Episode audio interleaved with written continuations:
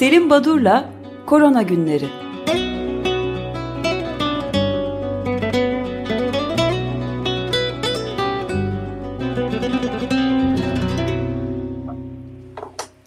Merhaba Selim Bey, günaydın. Günaydın Özdeş, günaydın Feryal ve günaydın ve hoş döndün Can Tombil. Ee, günaydın Selim Bey. Günaydın, günaydın. Ee, şimdi kısaca e, Özdeş'in de belirttiği gibi e, Madra ailesinin durumuna ait bir iki e, bilgi vermek istiyorum. Kendileri aslında e, iyi durumdalar e, ancak tedavileri sürüyor. E, şu anda antiviral tedavisine devam etmekteler e, odalarındalar herhangi bir yoğun bakım ya da e, bir solunum güçlü sorunu yaşamadıkları için e, böyle bir cihaza bağlanmak falan söz konusu değil. Ancak antiviral tedavinin e, yan etkilerinden bir takım ufak tefek şikayetleri olmakta ve e, bu tedavide böyle bir gün e, ilacı verip ertesi gün e, onun etkisini görme şeklinde olmadığı için e, herhalde bir, bir hafta on gün kadar daha bu antiviral tedavi kullanacaklar ve daha sonra da sağlıklarına e, kavuşup aramıza döneceklerdir diye e, düşünüyorum ve e, böyle olmasını diliyoruz. E, şu anda e, herhangi bir sorunları yok. Sadece tedavilerin devam ettiğini, kontrollerin yapıldığını e, vurgulamak istedim. E, madralarla ilgili e, bilgi e, şimdilik bu kadar. E, önümüzdeki günlerde de e, kendileriyle ilgili iyi haberleri vermeyi sürdüreceğimizi düşünüyorum. Şimdi koronavirüslere baktığımızda e, dünyadaki duruma evet e, biraz önce Özdeş son sayıları verdi. E, ben de her zaman olduğu gibi araya cumartesi pazar günleri girdiği için kaç olgu ortaya çıktı aradaki fark nedir diye bakıyorum. Bizim cuma günü yaptığımız programdan beri dünyada 766.939 olgu günlük ortalama 255 bin olgu e, saptandı. E, aynı hızdan devam etmekte pandemi. E, Amerika Birleşik Devletleri e, senin de belirttiğin gibi e, iki hafta önce 4 milyona ulaşmıştı. E, dün itibariyle 5 milyona ulaştı. Bu büyük bir sayı. Brezilya'da da ölümler 100 bini aştı. 100 bin 477 bu nedenle 4 günlük yas ilan edildi ve hemen eski başkanlardan Lula da Silva ee, hem Bolsonaro e, hem yönetime hem e, şu andaki yetkililerin yaklaşımını bu pandemi karşısında e, çok eleştirdi ve hani toplumu çok zor bir duruma soktuklarını belirttiler. Biz Brezilya ve Amerika Birleşik Devletleri'nden örneklere değindik. Bir de Afrika'ya ait bir not vermek istiyorum. Güney Afrika'da da 553 bin olgu geçildi ve Afrika kıtasındaki olguların yarısı Güney Afrika'dan bildiriliyor. Ee, önemli bir e, bilgi. Avrupa'daki ülkelere baktığımızda e, bu ülkelerde e, gerçekten e, geriye dönüş demesem bile e, olguların beklenenin aksine artış göstermesi nedeniyle bir takım kısıtlamalar, yasaklara tekrar dönülüyor. Örneğin Belçika e, bu hafta sonu itibariyle sahil kentleri olan, beldeleri olan Knok gibi, Ostend gibi yerlere günübirlik küçük bir ülke günübirliğinde insanlar çok rahatlıkla deniz kıyısına, okyanus kıyısına gidebiliyorlardı. Günübirlik e, ziyaretçilerin e, girişini bu kentlere yasakladı. Daha önce de uygulamışlardı bu e, bu kısıtlamayı. E, ama havalar ısındığı için daha fazla e, e, akan insan var o yöreye doğru. E, bunları tamamen durdurma yoluna gitti. Benzer bir tablo Almanya'da da var. Almanya'da da yine havalar ısınmaya başladı ki Belçika ve Almanya'da 37 dereceye varan e, hava sıcaklığı e, saptandı bazı bölgelerinde bu iki ülkenin. Almanya'da sıcaklar sonucu insanların göl, nehir ya da kuzey e, kıyılarına gitme isteği e, var e, ve oraya gidip serinlemek istiyorlar. Hayır bu da yasaklandı Almanya'da artık e, gidilmiyor. Bu arada Fransa'da da işler tekrar karıştı. 24 saatte 2288 yeni olgu saptandı Fransa'da oldukça e, önemli bir sıçrama. Evet. Her şeyin yolunda evet. gittiği bir ülke diye tanımladık şimdiye kadar Vietnam'ın e, yaklaşık 100 gün kadar e, olgu bildirilmemişti Vietnam'dan. Önce bir olgu bildirildi. Bunun arkasından da 600 yeni vaka yaklaşık Vietnam'da saptandı.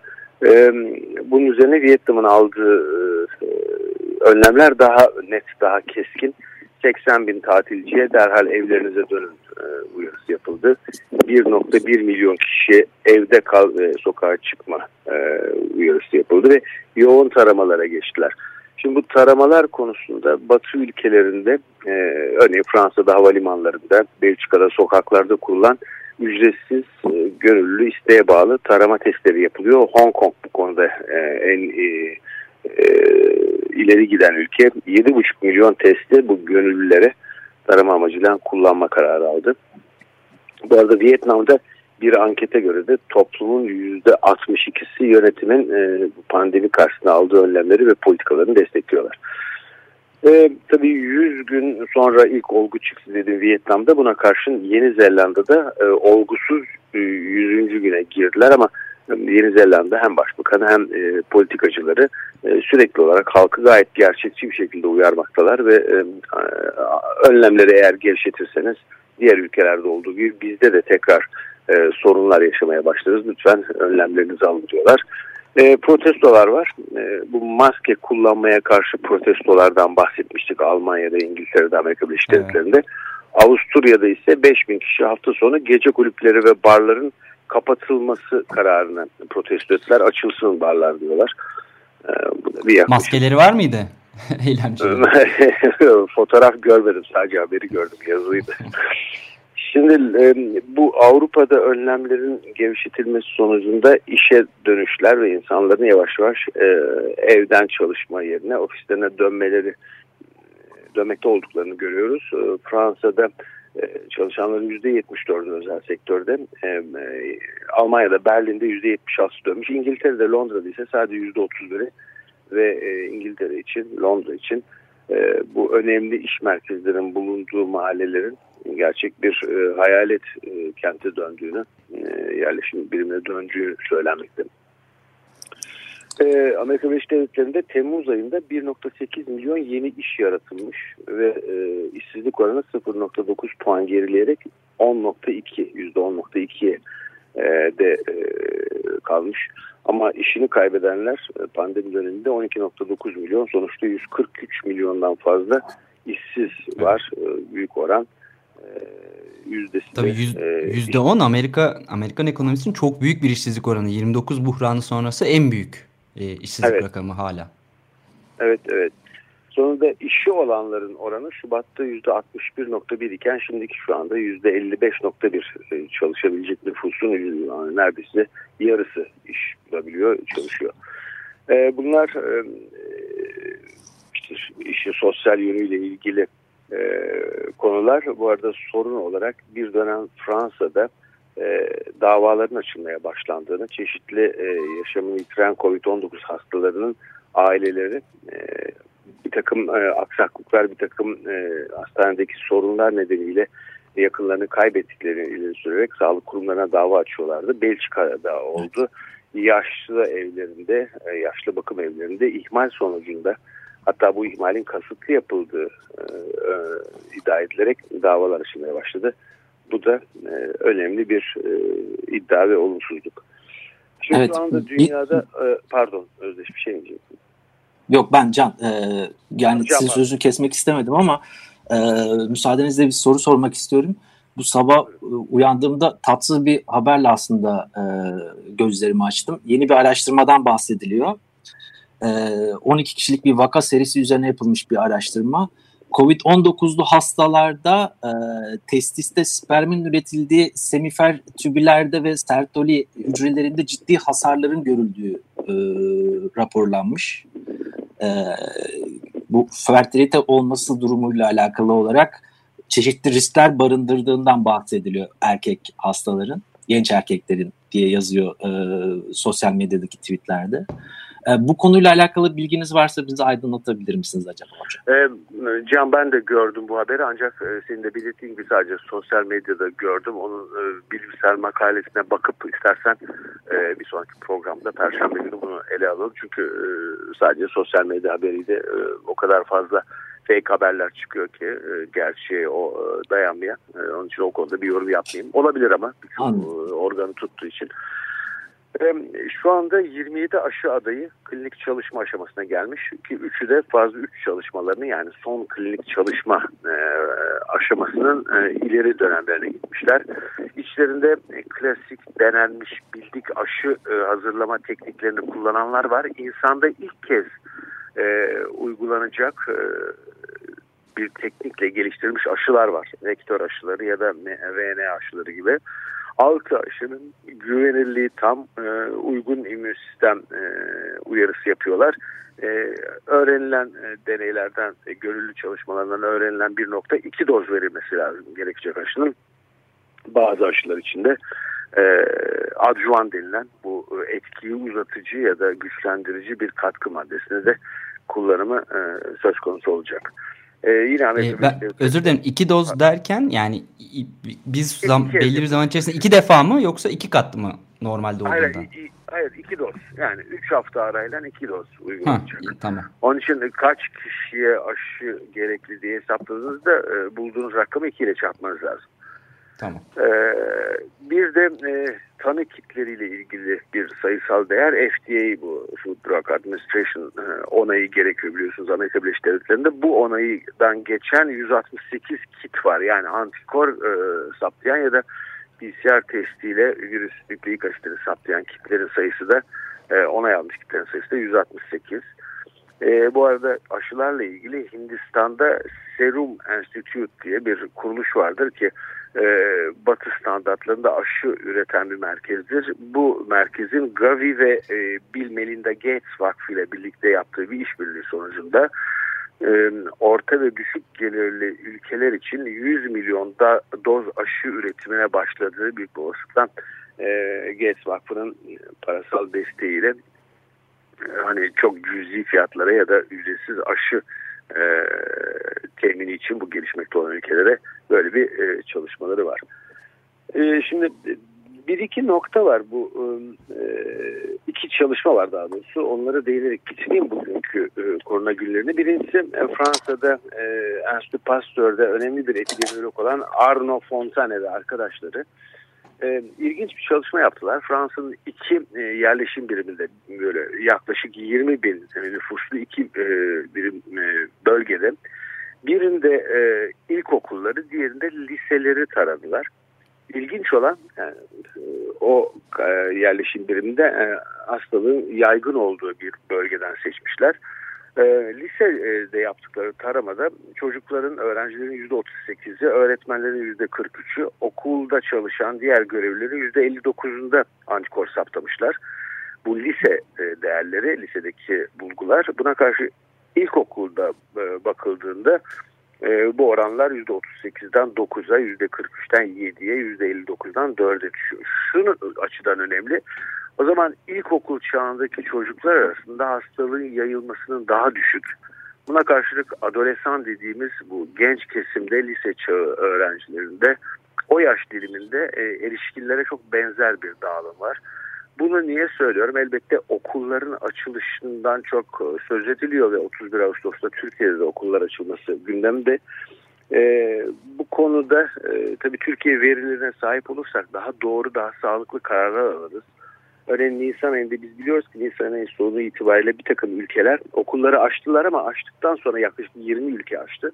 Açtıktan sonra e, bir dizi ok, e, ülke örneğin İsrail gibi örneğin bazı Asya ülkeleri hemen kapatmak zorunda kaldılar.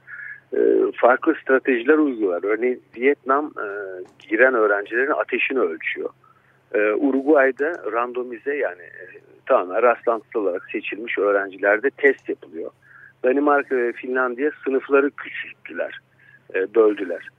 E, ve ilginç bir bulgu da e, sınıftan çok e, özellikle İsrail'deki e, yayılımın okula giden ve okula giderken servis aracı kullanan öğrencilerde bu servisten dağıldığını e, gösteren çalışmalar var. Yani e, bu konuyla ilgili birikimler e, var ama ülkemizin verilerine de e, konuyla ilgili e, ihtiyaç var herhalde. Yoksa ben açtım, e, kapadım falan gibi kararlarla e, gidilmemeli. Bir takım e, ön çalışmalar yapılmalı ki bunun imkanı var Türkiye'de.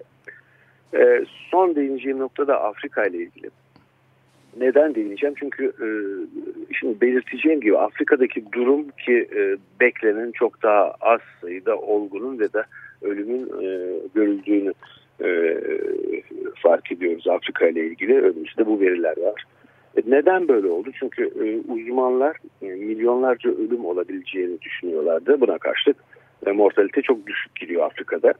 Şimdi e, bir kere Afrika'nın e, durumun daha ciddi, daha ağır seyretmesi için e, birçok e, koşul söz konusu. Örneğin kalabalık söz konusu, kalabalık yaşam biçimi, e, yoksulluk var, hijyen koşullarındaki sorunlar var.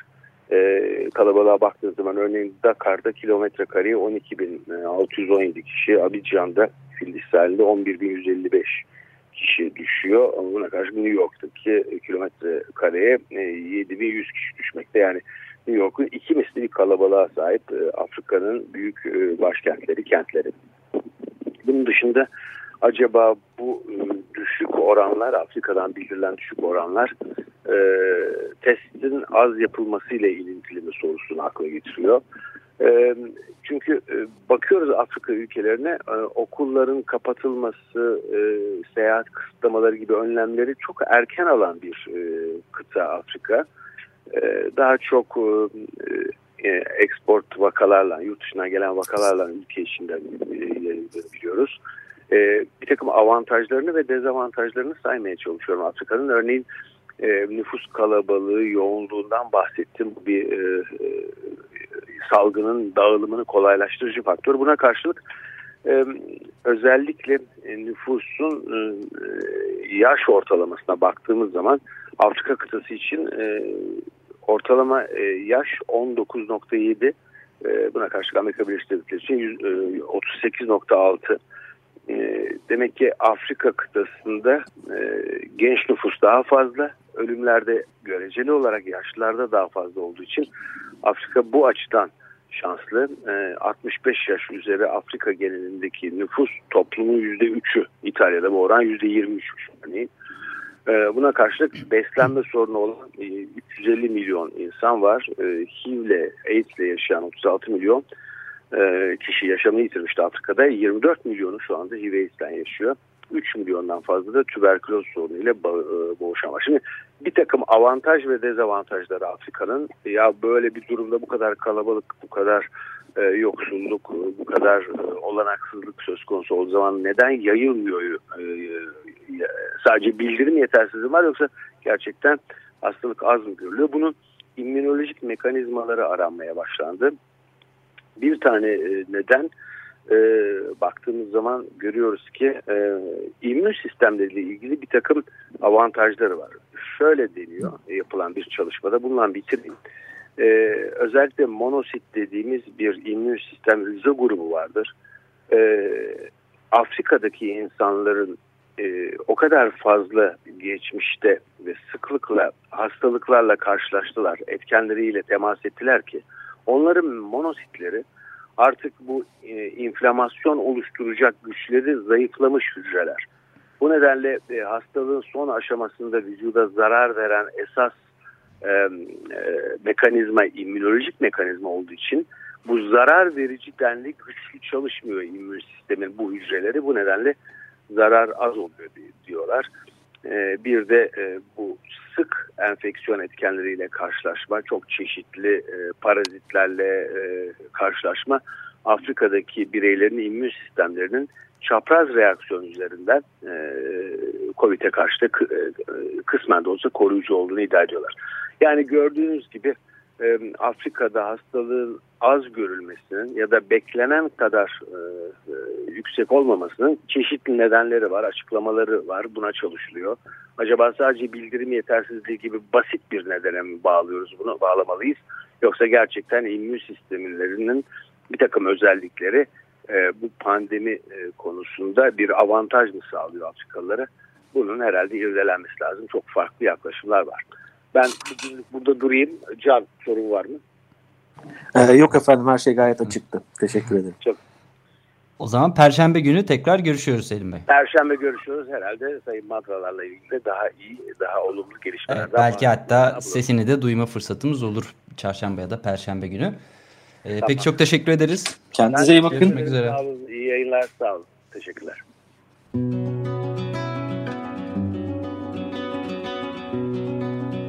Selim Badur'la Korona Günleri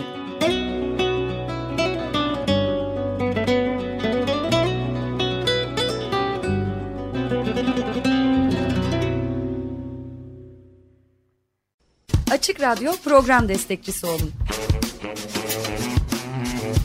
Bir veya daha fazla programa destek olmak için 212 alan koduyla 343 41 41.